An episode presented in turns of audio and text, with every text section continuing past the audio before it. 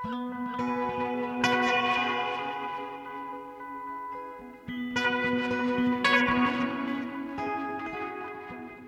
og sæl, við sjá helsar mánudaginn 20. júni.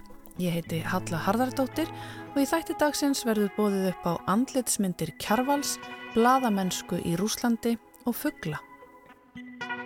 Í hugumargra er kjarval fyrst og fremst landslagsmálari en hann teiknaði andlitsmyndir alla tíð og hóf ferilinn sem portréttmálari. Landslægi var þó aldrei langt undan og með tímanum varð fantasían æsterkari í mannamyndum kjarvals og stundum tók hún alveg yfir. Þessi tengsl milli andlitsmynda hans og landslagsmynda verðast á að blasa við mönnum frá byrjun, líkt og aðalsteinn Ingólfsson, listfræðingur, bendur á í síningarteksta á síningunni Andlit úr skýjum sem nú stendur yfir á kjarvalstöðum. Í sínum fyrsta listdómi, rituðum 1927, fjallar Haldur Lagsnes um teikningar kjarvals og segir Vinnubröðin í andlitsmyndunum votta skilning hámentaðs listamanns á íslenskri náttúru. Við ræðum við aðalstein um mannamyndir kjarvals í þætti dagsins. Í sínum þriðja pislum sögur Úslands eftir hrun Sovjetríkjana fjallar Viktoria Baksína um bladamennsku eða fjórða valdið. Fari verður yfir sögur rúsneskra fjölmiðla, hvernig þeir hurfi frá blómaskeiði tíunda áratugurins yfir í stöðuna sem nú er uppi en samkvæmt heimildum fréttamanna án landamæra er Úsland númer 175 í rauðinni af 179 löndum þegar kemur að tjáningarfrelsi. En við byrjum þáttinn á því að hugað fugglum. Þó að það eigi til að gleymast eða fara fram hjá okkur í amstri dagsins, sérstaklega hjá okkur sem að vinnum inni alla daga, þá er komið sumar. Þessa vikuna erum við að upplifa lengstu daga ársins og sumafrí er handan við hornið hjá mörgum okkar. Bjartar nætur og tímaleysi eru eitt af því sem að einkennir íslenska sumarið og félagar okkar í tímaleysinu er að sjálfsögðu fugglarnir sem að toppa sumarnóttina með nærveru sinni. Við skulum rifja upp viðtalum fuggla sem Jóhannes tók við Ragnar Helga Ólafsson um þetta liti árs fyrir fjórum árum síðan. Ég upplýði fuggla eins og þeir séu svona Sko ef heimurinn er samt þá eru fugglarnir listaverkin. Sko.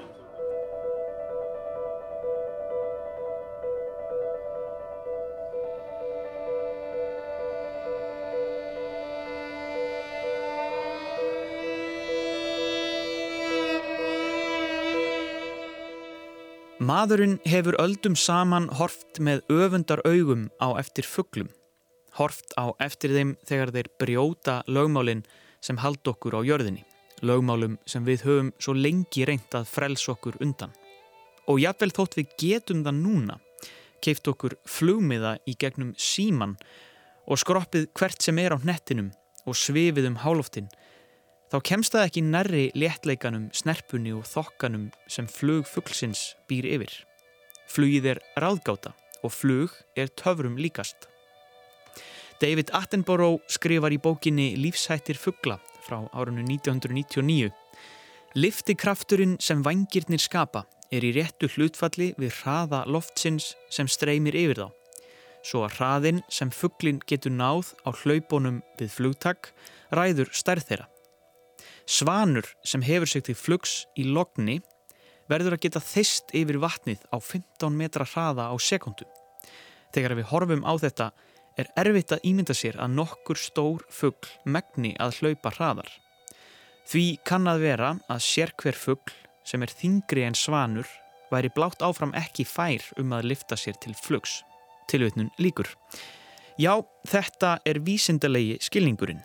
En fugglar virðast þó stundum á ekkun hátt hafnir yfir mæli einingar og tilgátur og kenningar vísindana. Í leit minni að einhverjum sem gæti spjallað við mig um fuggla og undur þeirra var eins og örlegin hefðu grepið inn í. Þegar ég opnaði samfélagsmiðla um daginn blasti við mér ljósmynd af fugglum á staurum. Undir stóð kríja, stelkur, kríja, stelkur, stelkur, stelkur, jæðrakan. Ótrúlega mynd. Ég hafði samband við mannin og skáldið á bakvið linsuna, Ragnar Helga Ólafsson og spurðan hvað hann væri að fást við og hvort hann væri til í að spjalla svolítið um fuggla. Hann skrifaði tilbaka Ég er í flatei að merkja fuggla og skrifa bók. Þá vissi ég að ég hafi fundið réttan mann. Þegar Ragnar Helgi sneri aftur söður settumst við niður á kaffivagninum við Reykjavíkuröfn og fengum okkur sæti undir glugganum í vonum að sjá glitta í sjófugl. Já, ég er svo lónsamur að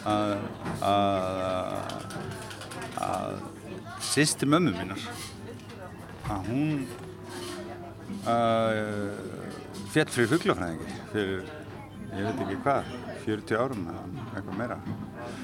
Hann heitir Ævar Pettersen og er, er, er, er fugglafræðingur af líf og sár. Þannig að ég, og hann hefur verið í Flatey frá 1974 að fylgjast með fugglalífinu á hverju sumri. Gamla daga það, voru þar allt sumarið og ég fór nú stundum í heimsók þegar ég var strákur bara á sumrin að heimsíka þau í Flatey þar sem þau voru að merkja fuggla. Solveig móðursýsti mín og, og ævar. Og, og síðan hef ég síðust 20 ár eða 15 ár alltaf komið og heimsótt á í flatið þar sem þeir eru að merkja. Og ég, þetta er eiginlega orðinu þeir dagar ársins sem ég hlakka mest til sko, allt áriðum kring, komast í það að vera eitthvað að hoppa hann um móana og, og ströndina með, með fugglafræðingunum og og í þetta skiptið þá er ég var, var var að, að skrifa bók sem ég var að skila í prent núna bara, reyndar í, í gær og, og vantaði einhvern svona aðeins að ná fókusur á höfuðið og þá er engin stað betur fyrir mig heldur en að fara út í flati, fá merkja nokkra fuggla, lappa með þeim og tellja fugglana, skoða fugglana, vera bara eitthvað leiða huguna fugglum, þá stæst maður aftur niður á miðnætti og skrifar frjálst eins og fuggl fram til morgun. Frjáls eins og fuggl. Fugglar vekja aðtegli og áhuga fólks og það sem meira er, þeir geta valdið þráhyggju.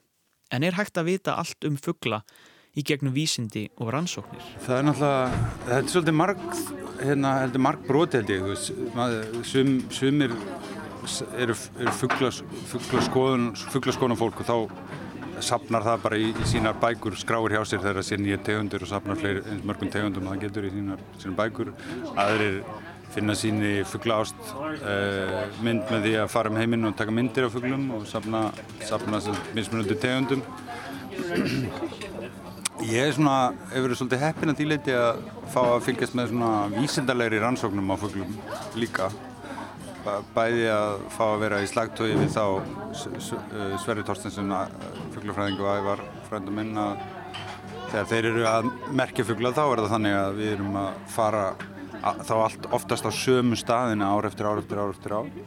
Uh, þá þarf maður að ná fugglum venjulega ungum á hreðri og set, áður en þeir verða flegir venjulega til að setja utan á svona játring með númeri og uh, þessi játringur verður síðan mikilsvirði þegar hann finnst einhver staðar hann nærður fugglinum aftur þegar hann er orðin fullorðin eða fugglin uh, finnst döður einhver staðar eða eitthvað slíkt. Og þá sapnast mikilvægur upplýsingar um hvernig fugglar lifa og hvert er fara og annað slíkt. Því að eitt af því sem hefur komið mér mest á óvart í gangum árinu að fylgjast með þessar rannsóknum er hvað er lítið vitað um fugglar hvað er eru fáranlega ráðgáta meiri segi í þessum heimi þar sem við teljum okkur vita í allt og þá vitum við ekki innföldustu luti um fugglana sem við sjáum á hverjum degi út í garðinum okkar að það neyri ströndunum. Við vitum ekkert hvert, hvert óðinsannar fara á vettnum.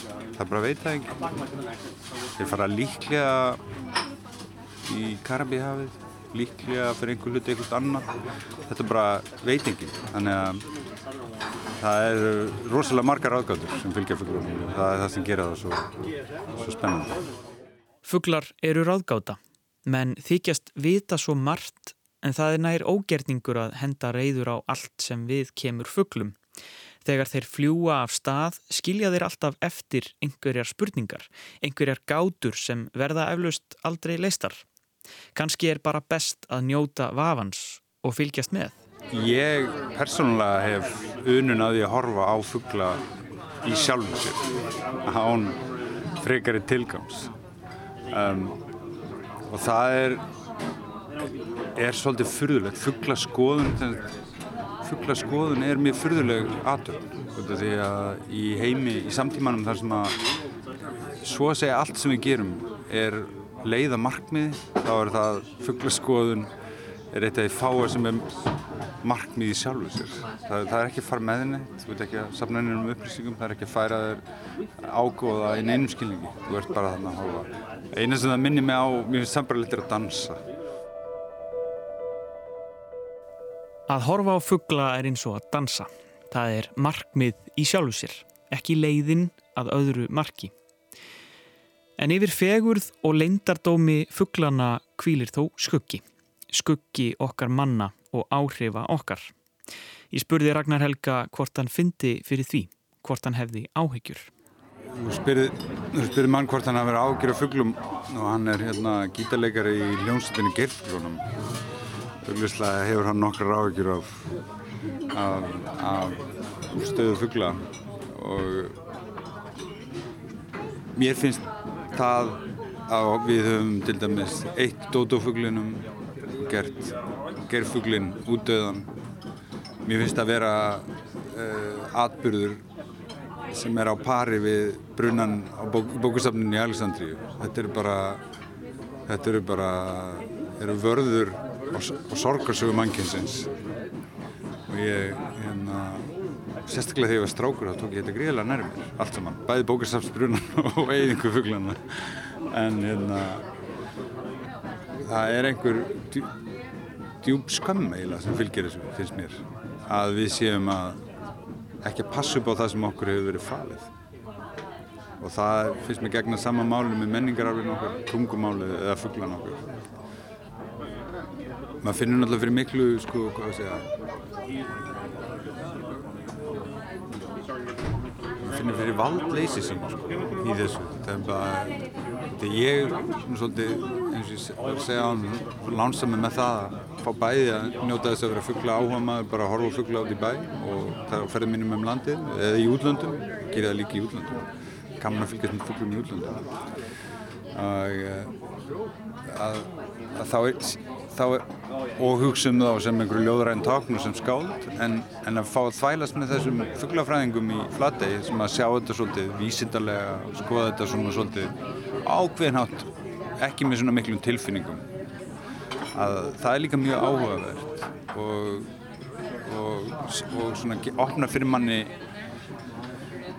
í rauninni sláandi staðrendir þó að vísindamennir séu treyðir til þess að draga álutaninnar þeir, þeim finnst þeir ekki að hafa nægar nægilega mikið af gögnum og svo framvegist til þess að segja til um nákvæmlega hvað sé að gerast að þá, þá horfum maður bara á einhverja staði einhverja holma á breyðafyrði sem maður hefur kannski komið í í 10, 15, 20 ár og, og, og sér bara hvernig fyrir 20 árum voru þar 100 ungar að meðaltali, nú voru þeir fjórir eða, eða í flattegaklopningi voru einu sinni 3000 skarvar, nú voru þeir 1000 uh, og maður sér hvernig ákveðnum tegundum er að raka mjög rætt á þessu sveiði Svo veitu þetta engin nákvæmlega, getur vel verið að svona breytingar hafi orðið gegnum aldirna fram og tilbaka um, en, en miða við það sem ég horfi upp á, þá er það sláandi að sjá tegundur sem við lítum á sem einhver óumdeinlanleg takn Íslands eins og Lunda. Og hann er bara hægt og rólega að hverfa eða svona þinnast verulega stoppstærðin bæði við Suðurland og Vesturland. Færast norðar mögulega út af að hafið er að lína eða eitthvað slíkt, það veit það enginn. Og það er, já, það, það er sláðandi og, og það held ég að við verðum að líta á fugglana sem svona eins og hittamæli eða viðvörunabjöllu þeir gera þeir eru svona eins og eins og þýðandi millir hvernig náttúrunni líður og okkar. Því að við sjáum ekki hvort að sjórin hefur hittnað um eina gráðu en, en ef sjór hittnar um eina gráðu það gerbreytir lífkerfinu. En, við, en hann er bara lítur út eins og sjór fyrir okkur. En ég held við tökum eftir því ef við myndum hægt að heyra lóð syngja vorin eða stelk verið að bögga okkur þegar við erum að lappa yfir, yfir, yfir gríta móa og þannig að þá er það eiginlega skild okkar að hlusta á, á söngfuglana og eða kannski ennþá frekar að taka eftir því þegar að söngur fuggluna þagnar.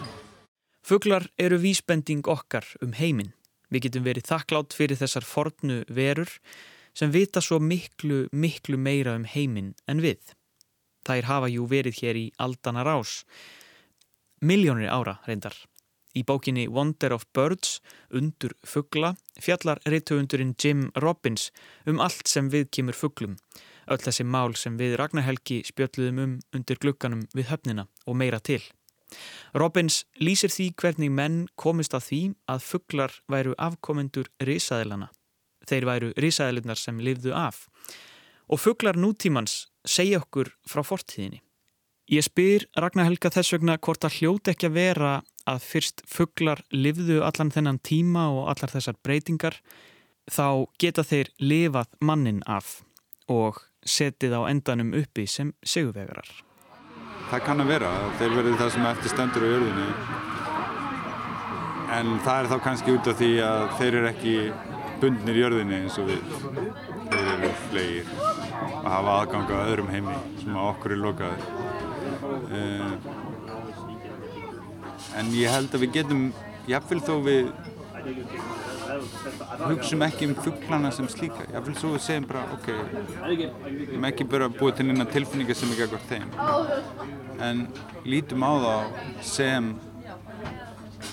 eins og málpípu fyrir það hvað er að gerast á jörðum og þá hérna Ég hef svo sem yngur ágjör af fugglum, þeir eru eins og þú segir, þeir eru miklu sterkari og miklu úrræða betri og að, hafa gríðarlega að, aðlögunar hefni í gegnum aldunnar og maður sér bara hvernig hvað fugglar geta að lifa við misafnar aðstæði. Það eru fugglar á söðuskautunum, það eru fugglar í eðimörkum, það eru fugglar eh, sem að lifa svo að segja á útafinu. Það eru, þeir eru búin að gera sér jörðina byggilega, þeir aðlaga sér jörðinni í öllum hennar myndum. Miklu miklu betur heldur en mannkynnið eða nokkur önnu dýrategund í rauninni. Já, ef heimurinn er sapn þá eru fugglarnir listaverkin sagði Ragnar Helgi Ólafsson rittöfundur og bókáttgefandi hér í þessu fjögur ára gamla samtali við Jóhannes. En úr pælingum um fuggla flögurum við á aðrar slóðir, allaleg til Rúslands. Í sínum þriðja pisli um sögu Rúslands eftir hrun Sovjetríkjana fjallar Viktoria Baksína um bladamennsku eða fjörða valdið. Eftir að sjöttu grein stjórnarskrárinar Sovjetríkjana sem staðfesti ein ókun kommunistaflokksins á fórustu öllu var breytt árið 1990 var Ítskón afnuminn Réttur til útgafu og dagskráurgerðar var veittur rítstjórnum og ýmsum samtökum. Í september 1991 tók gildi tilskipun fórseta um ráðstafarnir til að vernda fjölmiðlafrelsi og í lókdesember voru lögurúslands um fjölmiðlun samþygt. Stofnun nýra stjórnmálaflokka vakti virka þróun flokkspressunar af öllum gerðum. Snemma á tíunda áratugnum Um 1200 rít með skýra pólitíska stefnu voru skráð í Rúslandi. Mikil uppbygging markastengsla í landinu hefur orðið kvati fyrir markasvæðingu bladamennskunar og þá sérstaklega útbreytslu slúðurblaða. Hugsanlegur lesandi þeirra, þreyttur á stjórnmálum og efnahagsvanda, þurfti að fá tilfinningarlega útrás þannig að slúðurblöð nútu mikill að vinsælda. Stöðugur samdráttur í útbreytslu dagblæða og tímaríta sem voru gríðarlega vinsæla á sovjettímanum held áfram með nokkur ár og miðjan tíunda áratug var ástandið nokkuð stöðugt og versnaði til muna aftur eftir efnahagskreppuna í águst 1998. Til að lifa af tóku margar stórborgar rítstjórnir við stefnu um svæðisskiptingum. Styrkinga á hlutverki og mikilvægi svæðisbundina upplýsinga kom fram með breytti forgangsröðun lesenda. Snemma á tíunda áratugnum byrtust erlend tímarít sem voru dreifti Sovjetríkinum aðeins ólöglega. Nokkur stór erlend útgáð fyrirtæki komu inn á rúsneska markaði. Engum Independent Media, Cosmopolitan, Playboy, Burda. Um nokkur ára skeið var svo kallað styrkekerfi verkt til landinu. Árið 1994 fengu útgafur sem komið var á fót af rúsneskum stjórnvöldum og stjórnforsetta Rúslands styrki frá alríkis fjarlögum upp á 39 miljardar. Hins vegar leiti endurhletsla fjarla ekki til þess að fleistir fjölmílar urðu hlýðnir yfirvöldum. Óháð og stundum anstæðið afstæða þeirra kom skýrt fram, til dæmis í mati þeirra á fyrsta Tjetjenjustriðinu sem kom yfirvöldum óþægilega að óvart. Upplýsingamarkaðurinn vakti í auknum mæli aðþygli enga reikina fjármálahópa. Þingkostningar og fórsetakostningar í kjólfarið hafa staðfest að fjárfestingi fjölmiðlum breytist í áreidanlegt politískt ferli. Það var á þessum tímabíli sem stórir upplýsingahópar og fjölmidlaveldi tóku á sig mynd. Á þessu stígi veldur báraktan fyrir efnahagslegum og pólitískum áhrifum samkeppni á milli ríta. Henni fylgi auknum mæli upplýsingastrið, leit að íviljandi ríkislánum og vestrænum fjárfestingum. Mainstefnan var mistering fjármaks á sviði fjöldasamskipta. Hins vegar hefur almennt versnandi efnahags ástandi landinu, stöðugar fjármálakreppur, sveiplur á pappirsverdi, flutninga og brennþjónustu, sett meðelstóra og smáa fjölmiðla, sérstaklega á landsbygdini, á mörgnum fjárhagsafkomu og aukið vandamála að bladamenn væru háðir útgefanda og eiganda fjölmiðla hefur leitt til þess að eigendur beittu bladamenn efnahagslegum þrýstingi. Samkeppti millir líta um hlutdeild á auglýsingamarkaði verður sífælt hardari og ósveinlegri. Einn öflugasti þátturinn sem hafði áhrif á innlenda bladamennsku og breytti edli hennar var þróun nýjustu upplýsingatækinar. Kapal og gerveiknakta sjónvarps, tölvugagnagruna, markmiðlunar og netmiðlana. Rúsnesk bladamennska tók virkan þátt í hínu vaksandi alþjóðlega upplýsingarými. Þegar Putin kom til valda í landinu styrkti hann spillingu á fljótt og skapaði einstrengingslega fjólmíla. Anstæðingum, gaggrínendum og andofsmönum var hendinni upppreysna gjörn rít eins og návæg að setja. Eða mýrt ef þeir komu ofnálægt sannleika um Putin og fylgismenn hans. Bladamenn fengu ekki laun, starf þeirra var mjög áhættu samt og setti fjölskyldum þeirra í áhættu. Þeir sem skrifuðu á tímabíli þegar Putin kom til valda voru algjör hetjur. Þann 7. oktober 2005, tveimur dögum eftir að Anna Politkovskaja tilkynnti um rannsókn sína á Ramzan Kadyrov, tjetjenu fórsetta, var hún skotin til bana í líftu heima hjá sér. Fyrir einhverja ólýsanlega tilviljun var dauðadagur hennar einig ammæli Pútins. Mordið á Politkovska var gríðarlega áfall fyrir rannsóknarbladamennsku. Aðeins máði eftir dauða hennar veiktis fyrverandi rúsneskur órigisfulltrúi Aleksandr Litvinenko skindilega og lest eins og síðar komu ljós af völdum geyslavirka polóniums. Það verður að segja að Litvinenko tókst að skrifa nokkrar bækur um valdatöku Pútins. En óleist er morda á Pól Hlebnikov, bandarískari stjóra rúsnesku útgáfunar af Forbes tímarítinu, sem var myrtur nokkrum dögum eftir byrtingu lista yfir 100 ríkustu menn Rúslands, þar sem margir voru nátengdir Pútin. Hlebnikov var skotin 9. júli 2004 þegar hann var að yfirgefa Forbes skrifstofu. Hann var flugtur á sjúkrahús í sjúkrabíl sem var ekki með súrefnistang og lesti líftu sem festist á leiðinni í skurðaraðgerð. Eftir að hafa tekið yfirburðarstöðu í fjólmýlum setti ríki fram nýjar kröfur um bladamennsku. Ef þú fært beinga frá ríkinu, beint úr fjarlögum eða í formi auglýsingasamninga fyrir tækja, þá verður þú að verja hagsmunni ríkisins. Eftir Krím og Donbass var þessu bætt við. Ef þú færð ekki peninga frá ríkinu, þá leysir það því ekki undan þeirri skildu að taka tílit til hagsmuna þess. Sá sem ósamala þessu er fjárslindur anstæðingur ríkisins og umbótsaðili óvinarins. Þannig að áróður hefur komið í stað sannleikans. Til að skoða ástand bladamennskunar á þessu tímabíli hef ég fengið til lýts Andri Minshenin, bladamann frá Rúslandi, sem hefur búið á Íslandi síðan 2016. Hann er neymi í Háskóla Íslands og lærir þar alþjóðasamskipti. Ná stefnir ég að honum verði vísað úr landi vegna þess að vegabrefið hans er næstum útrúnið en rúsneska ræði skrifstofa á Íslandi hefur meinað honum að fá nýtt vegna þess að hann skipulagði fjölmörg mótmæli gegin stríðinu við rúsneska sendiráðið. Hann verður líklegast fangilsaður þá í Rúslandi. In 2009 journalism in Russia was uh, pretty Ég spurði hann meðal annars hvernig hann myndi lýsa bladamennsku árið 2009 þegar hann hóf starfið.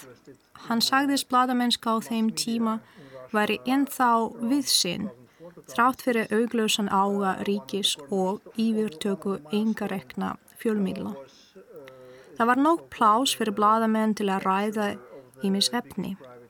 Leittógum stjórnar anstöðunar var búið í útvarp og sjónvarp fréttir bárúst af gödumótmælum og mannréttindabrótum ríkisins. Jáfnvel þó að fjölmílar hafi þeir verið stjórnað af samstarfsmöðum Pútins eins og Gazprom Media sem er partur af Gazprom sem flýtur út gas til Evrópu var auðvöld að vinna með tílíti til mismunandi þema. Fyrsti vinuvendandi Andrés af fréttastofan Bald Info var eigu náins vinar Pútins, Olegs Rudnov, sem gaf bladamönum engar leiðbyggingar um hvaða efni þeir ættu að forðast. Andrei vissi að hann ætti ekki að skrifa um fjölskyldu Vladimir Pútins, en restin var fjálst að ræða. We knew that we couldn't write about uh, some uh, family details, uh, family history details of Vladimir Putin, but that's all. Með einrás rúsa í Ukrænu hættu óháðir fjölmiðlar næstan því að vera til. Þeir eru lókaðir af ríkinu, þeir eru yfirlistir sem erlendir umbónsmenn, fá ekki fjármunni og útsengartíma. Blaðmöður hóta ef þeir segja þá skoðun sem er ólík ríkisfjölmiðlum. Svo auðvitað spurði Andrei hvort það væri einhver von fyrir rúsneska fjölmíla í framtíðinni. Well, there is always some hope, uh, but of course the situation in Russia right now is uh, cannot be named as a journalism at all uh, because most of the media either closed or follow guidelines from the Ministry of Defense about uh, the situation in Ukraine or Hann segir að það sé einhver von en núverandi stöðu rúsneskra fjölmíla með ekki nefna bladamennsku. Þar sem flestir fjölmílar séu lókaðir eða fari eftir leitbyggingum frá varnarmála ráðuneytinu um ástandi í Úkrænu eða leitbyggingum frá Kreml um stjórnmála ástandið í Rúslandi. Öll brot á þessum leitbyggingum leiða til alvarlega refsinga, alltaf lókun fjölmiðla. Hann ítrekar að mörgum óháðum fjölmiðlum hafi verið lókað undan fartna þrjá mánuði. Þar á meðal útvarpstöðinni Eha Moskvi, Bergmál Moskvó, sem starfaði síðan 1990 og var eigu Gazprom Media. Hann kemst að þeirri nýðurstöðu að framtíð bladamennskunar er háð aðstæðum í Rúslandi í held, politískum, efnahagslegum, félagslegum. Þegar herlög um rýtskóðun verða afnúmin, þá verður einhver framtíð fyrir blandavenskuna. Við vonum bæði af heilum hug að svanasöngur rúsneska fjölmíla verði ekki söngin. Saði Viktoria Baksína í sínum þriðja pistlega 5 um sögur Úslands frá falli Sovjetríkjana. En þá haldum við niður á Klambratún þar sem að síningin Andlit úr skýjum mannamyndir Kjarvals opnaði þann 16. júni síðastliðin. Aðalstein Ingólfsson er síningastjórin og ég heitt hann þar í morgun. Blessaður sæl aðalsteinn og til hamingi með þessa síningu, andlit úr skíunum. Af hverju þessi fókus í dag? Var komin tími á, á þetta? Já, þetta var bara eitthvað sem aldrei hefði gert og, og, og ég hérna kom með þessa hugmynd og, og þeir uh, tókuð hana strax upp á armæsir hjá Lissan Reykjavíkur og hérna og þetta er, sensast, þetta er útkoman. Mm -hmm. Við, uh, í dag þekkjum við kannski Kjærval fyrst og fremst sem uh, landslagsmálara. Hann er landslagsmálari í hugum okkar í dag en, en hann auðvitað málaði fólk alla tíð. Málaði fólk alla tíð og það glemist ofta að, að, að það er mitt fyrir mannamyndir og tekníkarnar að, að austan sem að, sem að svona þjóðin tekur hann í sátt og, og, og, og svona viðkennur hann sem stóran listumann mm -hmm. og það eru jáfnframt fyrstu verk sem að ríkið kaupið, kaupir af, af, af, af kjárvald, það eru tekníkarnar. Mm -hmm. Við stöndum hér fyrir framann uh, já, verk sem að kannski eru upp að þessu portréttferli hans, uh, bankastjórnir.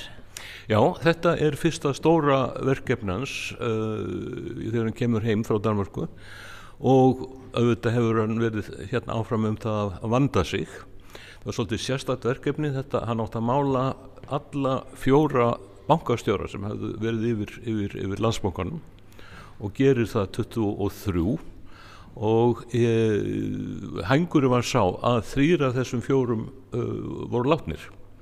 Þannig að hann var að notast til ljósmyndir. En sá fjörði Björn Kristjánsson sem er hérna fyrir framann okkur hann, hann málar hann sagt, í lifanda lífi, hann sýtur fyrir hjánum og það er jáfnframt sko sínu besta og mest lifandi portréttið mm -hmm. í alvöru litum og allt það mm -hmm. og sér hérna Tryggva Gunnarsson við liðina mm -hmm. hann er bísna gamaldags og, og, og nýtandu aldarlegur og, og ber þess merki að það er málar eftir ljósmynd en hérna er hann sem sagt, já, hérna verður hann að standa sig hérna er hann að mála fyrir menni úr bankageranum og, og, og, og hérna þannig að hann verður að, að halda svona ímyndunarblíu stjefju. Já, einmitt.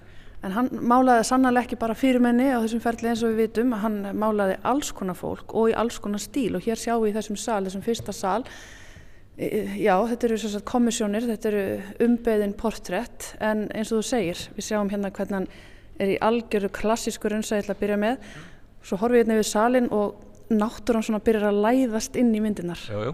og það er annað sem byrjar að læðast inn í myndinar að fólk sko að má ímynda sér að hafandi sér þessi portrétt þá var fólk óskaplega ánætti við því að sko nú væri landilósis búin að eignast sko alveg portréttmálara í hverju síðu þjóðfélagi. Þá er alltaf þarf fyrir svoleiðs fólk.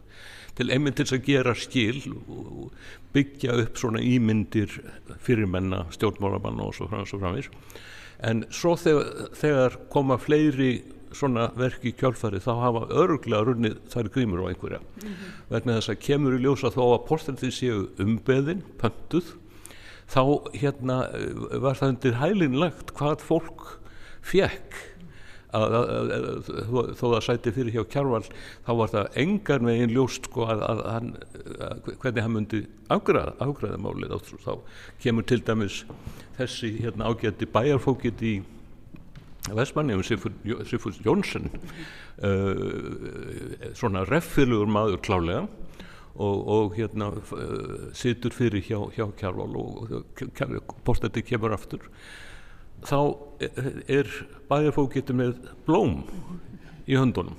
Alveg þetta er ekkert út af, út af hver, hverju það og svo líka bakgrunnurinn. Þetta er alltaf svona eins og svona blómahaf eða gróður.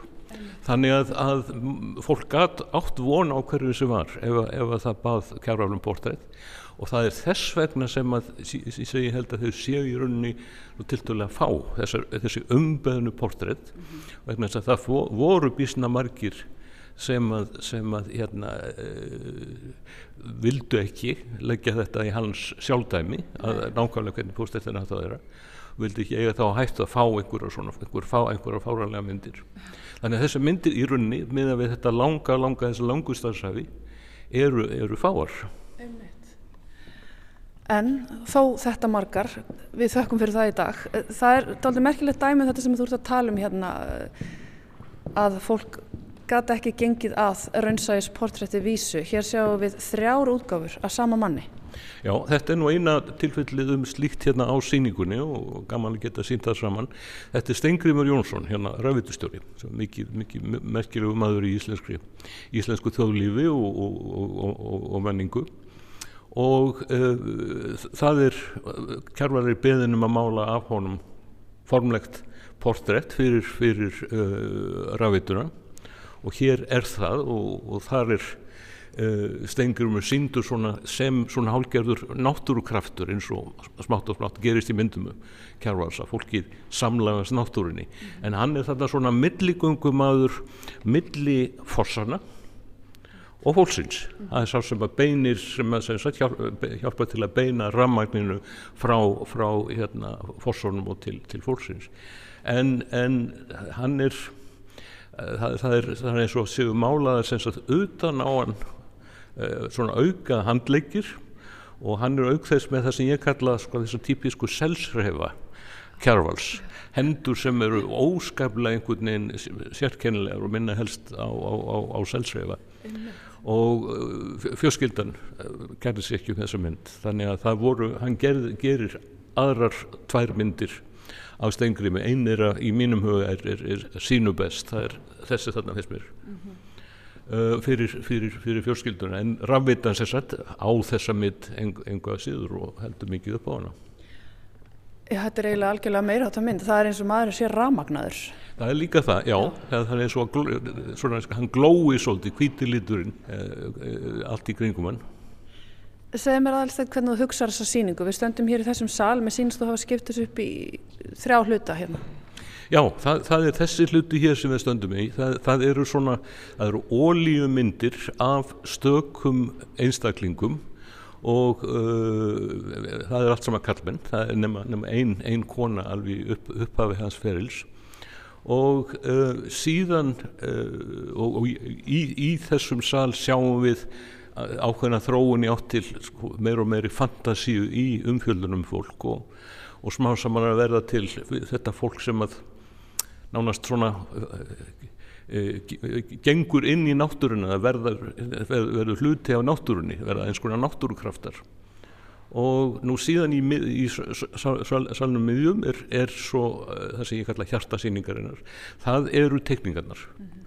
uh, af íslensku alþýðu fólki sem hann gerir á þriðja áraturnum og, og síðan eru, svona, eru, eru myndir þar sem að, að fantasían færist í aukana. Stækir einstaklinga verða nána sko eins og, eins og, eins og sko tröll eða sko alveg sko galið fólk í útleiti og síðan þegar þú kemur inn í salin hinum einn þá fyrir að sjá þessar uh, grúpur hans, það fyrir að rafa saman uh, tveim, þreymur aðilum og byggir upp svona ákveðna dýnamík uh, myndli einstaklingana í myndunum og svo umhverfisins. Og og, hérna, og þessa myndir verða uh, það, upp, að það er meira og meira fantasía sem að, sem að hérna, enginni þær myndir líka. Þannig að það eru sumar myndir þar þar sem að uh, eins og myndin af fóstru sem, sem að málar á fóstru sinni það sem að, að, að mannistja gengur alveg, hún samsamast náttúrulega alveg landslæginu, hún verður landslag hún verður náttúra.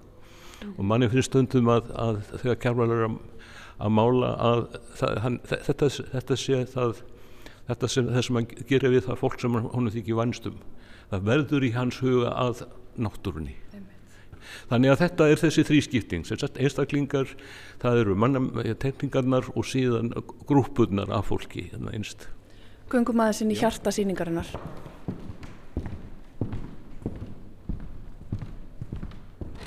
Hér sjáum við tekningar og þetta eru tekningar sem að príða mörg heimili hér á landi? Já, kannski einhver en, en, en Eftirprentanir Eftirprentanir, já, já. það er alveg rétt en, en þetta, eru, þetta, eru, þetta eru fyrstu stóru kaup ríkisins á, á, á verkum eftir Kjærval og, og, og, og það er er kaupa í einu, einu lægi kringum 50 myndir uh, teikningarnar, það eru þessar teikningar hér uh, þessu tægi sem hann gerir fyrir austan frá 1926 og um, e, en það er ákveðin aðdragandi þessara tekninga að það eru vasslita myndirna hér af fólki á, á, á bláavegnum þar gerir það 1920 í, á, á Ítalju og af fólki sem að reks bara á göttunni uh, og það eru mjög ólíkar tekningur að því leiti að það eru teiknaðar með vasslitapensli þetta eru mjög mikið útlínu tekningar en þú kemur í, í hérna uh, tekningarnar á austan það eru kól og bleiktekningar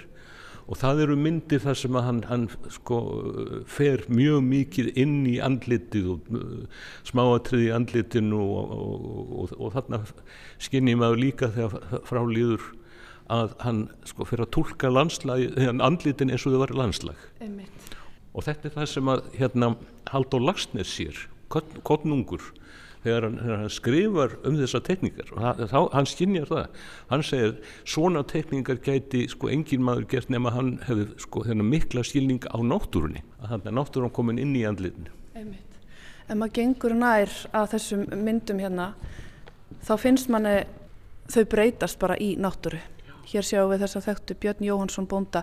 Hér er þetta alþýðan sem að færa að njóta sín. Já og þetta held ég og kannski einn ástæði fyrir það er ekki meira svona, hérna, fyrir, fyrir, fyrir manna og, og höfðingja portaröldum eftir hann er það að hann hafði miklu sko alþýðan var hans fólk, hann hafði miklu meira gaman af því að, að fást við andlit alþýðunar heldur en fyrirmennar sem borguði fyrir það mm -hmm. og uh, margar þessar tekníkar eru algjör snild uh, eins og þessi mynd af, af byrni og ég segi við hérna mína vini ofta þetta sé sko þetta sé Rembrandt kvalitet. Vinnubröðin eru eins og þú finnur í sko bestu grafíkmyndum og, og, og tekningum Rembrandt sko.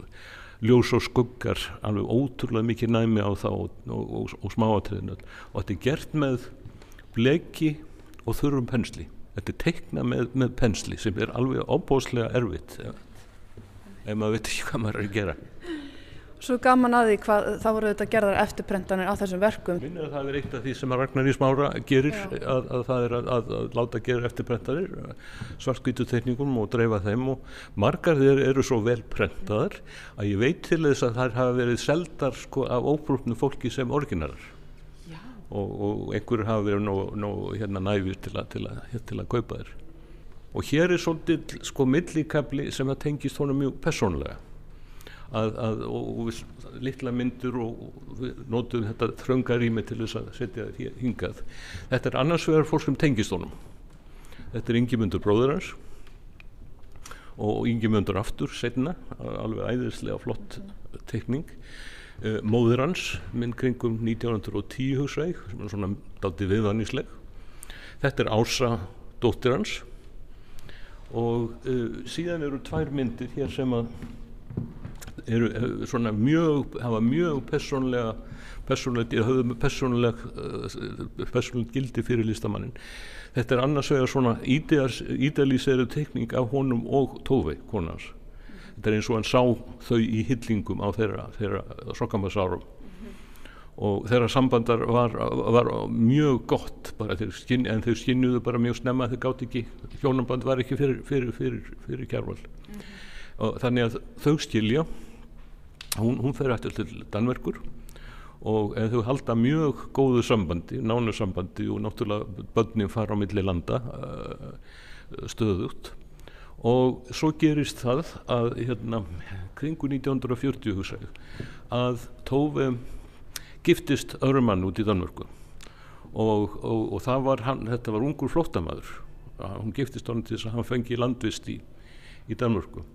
Og Kjærmar frettir þetta og hann verður alveg sko störlaður og hann situr heila nótt og málar þessa mynd sem hann kallar ástafmál Grettis. Og, og, og þess sem þekkja segja hann sé bara sko mála sig frá sorginni. Að, að hann var ennþá sko tengslinn við hann að voru svo sterk en, ennþá og og, afbríðisem og, og, og alls konar tilfinningar. En þá kemur út þessi, þessi mynd hér óuleg, ófrinnileg mynd af honum sjálfum og hérna, mynd af tófi svona ídiliseruð uh, profíla henn og hann kemur með þessa mynd morgunin eftir, hann er búin að mála alla myndinu verið alla nótt, nóttina að mála myndina kemur til Guðbrands Magnússonar mikil, mikil svina síns og segir hann hvað myndin heitir og, og byður hann að geima hana fyrir sig og sína hana aldrei nokkur manni en, en nú erum við að sína hann hér í dag Þannig að þetta, þetta er eina fáum myndum uh, á, á ferli Kjarvals þar sem hann sko tjái sig um sín tilfinningamál. Mm. En hann var í, í, í grunninn eins og kemur mjög vel fram í því sem að Silja Aðastins skrifaði í stóru Kjarvalsbókinni. Hann var mjög lokaður maður, afskaplega lokaður. Mm. Og, og dóttir hans kallaðan hérna, upp á dansku núðemann, knúðemann, knútamaður. Uh, sérstök tegund af, af, af manni. -hmm. þannig að svona myndir eru mjög sko fágetar eftir hann Það er sannlega gaman að sjá það hérna saman og bera það saman þessa já. litina, pastilitina, romantíkina já, og svo þessa hérna jarliti og já, jarl og gróf, gróf. Já, einmitt Ég var að reyna að sjá hvað er langt á millið þeirra. Það er, það er um, þessi er, hugsa ég fyrir, alveg öruglega fyrir 1920 mm -hmm. og þessum 1940 Einmitt. Hátt í 20 ár og, og svona tilfinningarnar ennþá, Olga undir. hann sendi henni, sko það var mynd eftir hann uh, hérna, sem að hjekk yfir hennar dánanbeði þegar hún deyr, þá var það mynd eftir hann sem að, sem að hjekk, uh, hjekk þar, þannig að þeirra samband var alltaf sko fyrir hendi alla, alla tíð Hér eru komin aðalstegn í, í, í síðasta salin. Já, fleira fólk og það eru... Fleira fólk og hér er uh, náttúrann aldeilis farin að flæða um allt. Hér sjáum við já. sko ígjurnar og, og þetta gróteska fara að koma í fantasíu inn í alls konar, alls konar myndi bæði af ónemdu fólki mm -hmm. eins og þarna, þetta eru bara hausar upp úr, upp úr honum sem hann gerir alls svo raunverulega að maður verður hálf stjeldur við að mæta þeim í, í rökkri.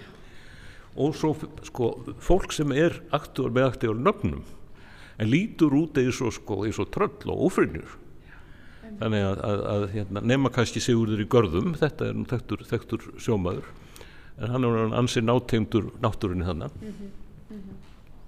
Og skemmtilegt þetta portréttin af leigubilstjórnum hans. Já, já, sem að. Ég, ég, ég, ég veit ekki hvort nokkuð myndi vilja fá svona portrétt af sér.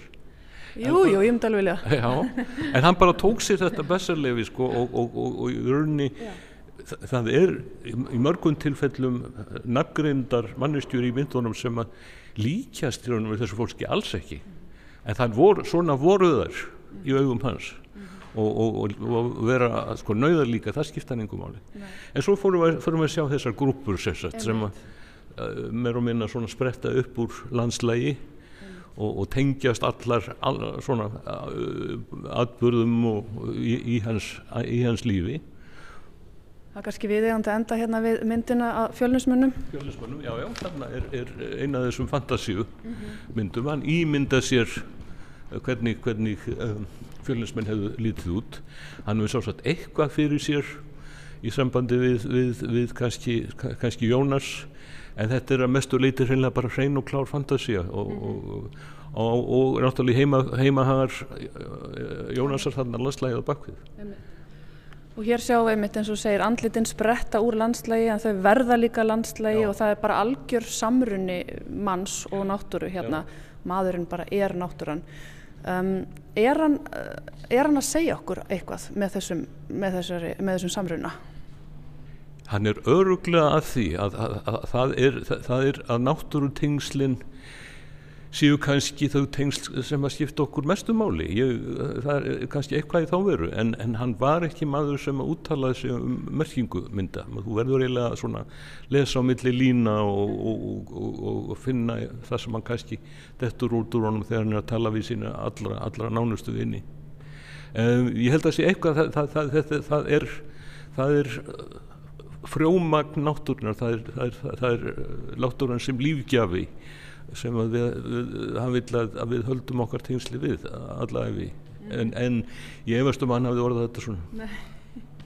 En hann hefur svo sannlega hjálpa að skapa þá ímynd að þjóðin sé uh, tengd náttúrunni já, og þessi lífsega, þessi romantíska mýta um að við Alveg, þjóðin séum eigum henni mikið að þáta Já, einmitt. Alveg öruglega hann er það. Það er ein hérna lítil grúpa sem kannski ég vildi sína þér í, í lokin. Hún er svolítið sér á parti það er verkin sem eru hérna fimm saman á, á vegg. Við settum þau saman þá skerir sig úr öðrum að þessu liti uh, þess að þetta eru, þetta, þetta eru nánustu vinnir kjárvals þetta eru myndir um Guðbrand Magnússon sem var fórstur í ríkisins og, og hans, hans konu Matildi uh, þú voru hans, all, með hans allra nánustu vinna og, og, og þær sem að gemdu myndin hans. Fyrir, og það, þetta, eru, þetta er mynd sem að gera af þeim á efri árum. Í rauninni sko á mörgum að þetta séu portrætt þetta er svo útviskuð andlitir en samt. En þau voru fyrir framann heimaslóðir uh, Guðbrands. Og bera þessa mynd svo saman við þessa hér sem er fyrst einhver, einhver sko fallegasta mannlýsing sem hann, hann málar. Indislektir út í vor. Þetta er myndir af þeim ungum ástögnum hann fer austur á land þar sem þau búa og, og, og kemur með þessa mynda af þeim tilbaka og, hérna e, og sögur um það að hann hafði einhvern veginn sagt að það væri óbærilegt þau væri svo hamingisum að það væri óbærilegt að vera nálægt þeim. En, en þetta er klassísko mynd að því leiti dökkur karlmaður, ljós kona en bara nándin tillitið, tengslimillið hvernig horfast, horfast hvert hvort á enna þetta, þetta er svona að opna sig tilfinningarlega þannig sem að, sem að sko gerir sko, örsjaldan, örsjaldan hann, hann er reynilega snortinn af þessu sambandi sína bestu vinna mm -hmm. svo koma þessar myndir. Þetta eru þeirra börn. Hallfríður dóttið þeirra þess að giftið síðan til bandaríkjana og uh, Kjartan sonur hans. Og Kjartan var svo fadir Magnúsar Kjartanssonar, myndlistamanns og, og það er ekki, ekki Magnúsar sem á, á, á myndina. En þetta er svona lítil grúpa svona, svona til heiðus þessum hjónum sem er gerðið svo opbáslega mikið fyrir, fyrir, fyrir Kjærval Já, Alstein, eins og þú segir, eh, þú vittnaður hér áðan í dóttur hans að hann hefði verið maður sem var kannski út á vitt aldrei svona tilfinningarlega í hnút en það er sannlega hægt að sjá eins og alltaf í myndunum hans en kannski líka hérna í þessum portrétt sem þú ert að lýsa og líka fantasjónum að tilfinningarnar eru þarna ólgandi til staðar. Já, já, bara, já, já, það, það er sannarlega það, það að hann hérna að, hann, hann, hann bara einhvern veginn, já, yfirfæri þessar tilfinningar á, á, á, á náttúruna kannski fyrst og fremst. Eftir alla þessa vinnu, kemur hann alltaf óvart kjárval? Já, hann gerir það, hann gerir það, það er og, og bara að fara í gegnum sko tekníkatarnas hérna niðri uh, sem í þúsundatali Um, það er alveg ótrúlega mikið sem hann lætur uh, frá sér fara og er, er að pæla í. Um, nei, maður verður aldrei þreyttur á því.